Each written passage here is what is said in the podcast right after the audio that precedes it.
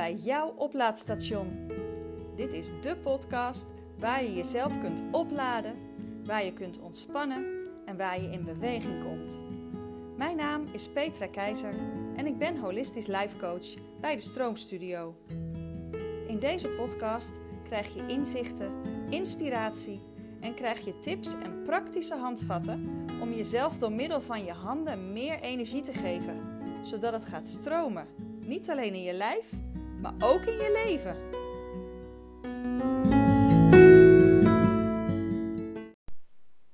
Het was 2005. Het telefoontje kwam terwijl ik op mijn vrije dag in de intratuin liep. Goedemorgen.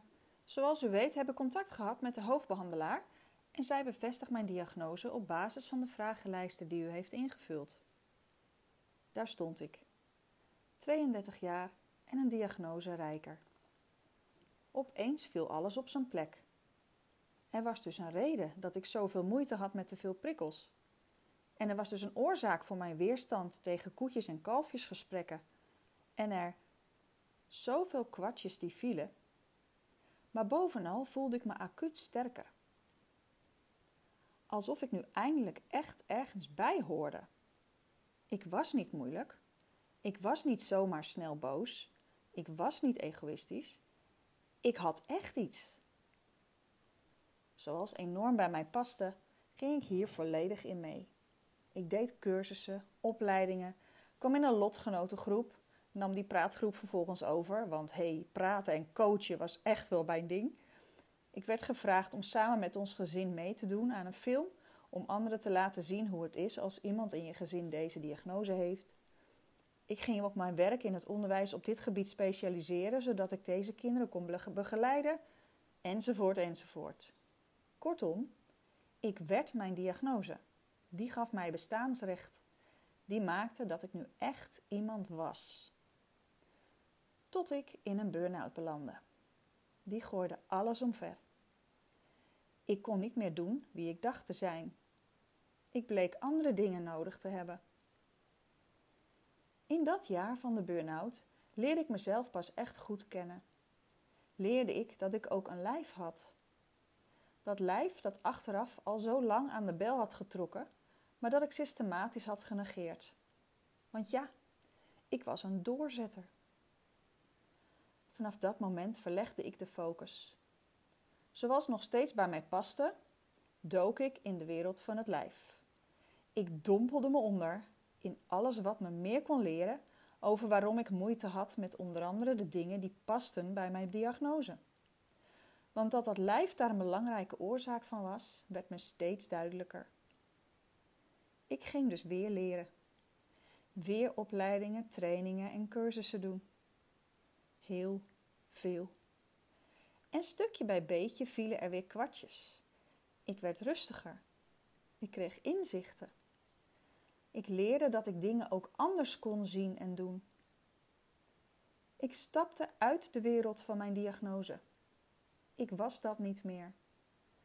Die ingevulde vragenlijsten die mijn diagnose creëerden, zou ik nu anders invullen. Ik was veranderd. De toegang tot mijn lijf bleek ook de toegang tot mijn hoofd. Inmiddels had ik mijn baan op school opgezegd en was voor mezelf begonnen kijken naar gedrag van kinderen via het lijf. Dat was mijn insteek. De boel liep als een trein. Onder andere bewegend leren en reflexintegratie waren een enorm onderdeel van mijn aanbod. Ik had wachtlijsten van een half jaar en er bleven maar aanmeldingen komen. En toen klopte ook dat niet meer.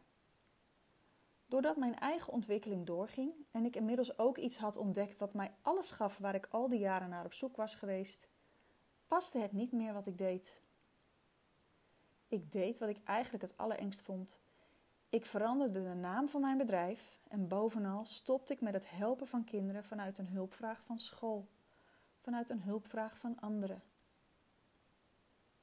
Wat mijn zoektocht naar mezelf tot dan toe had opgeleverd was autonomie. Doordat ik was gaan duiken in mijn verleden, doordat ik had gegraven in mijn gevoelens, doordat ik bovenal was gaan luisteren naar mijn gevoel en lichaam, was ik geworden wie ik ben, niet wie ik deed. Autonomie. Ik kon het zelf. met behulp van en inzicht door anderen. Ik was genoeg. Nu werk ik met iedereen die wil zijn, die niet meer wil doen, die bereid is zichzelf op te schudden, de blokkades die er zijn aan te kijken en deze te zien als omweg in de juiste richting.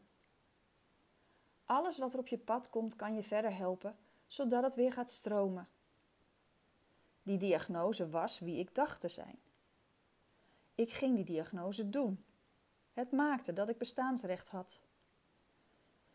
Nu weet ik dat het invullen van die vragenlijsten het begin was van een zoektocht naar mezelf. Dat alles wat er op dat pad lag nodig was om te komen waar ik nu ben.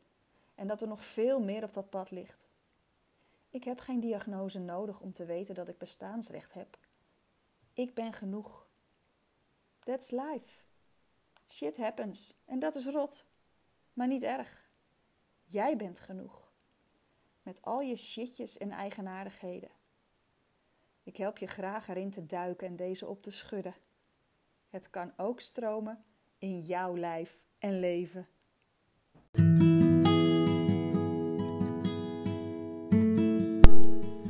Leuk dat je hebt geluisterd naar jouw oplaadstation, de podcast. Als je benieuwd bent naar nieuwe afleveringen, volg me dan op Spotify. Ben je benieuwd wat ik nog meer doe? Kijk dan eens op www.destroomstudio.nl. Tot snel!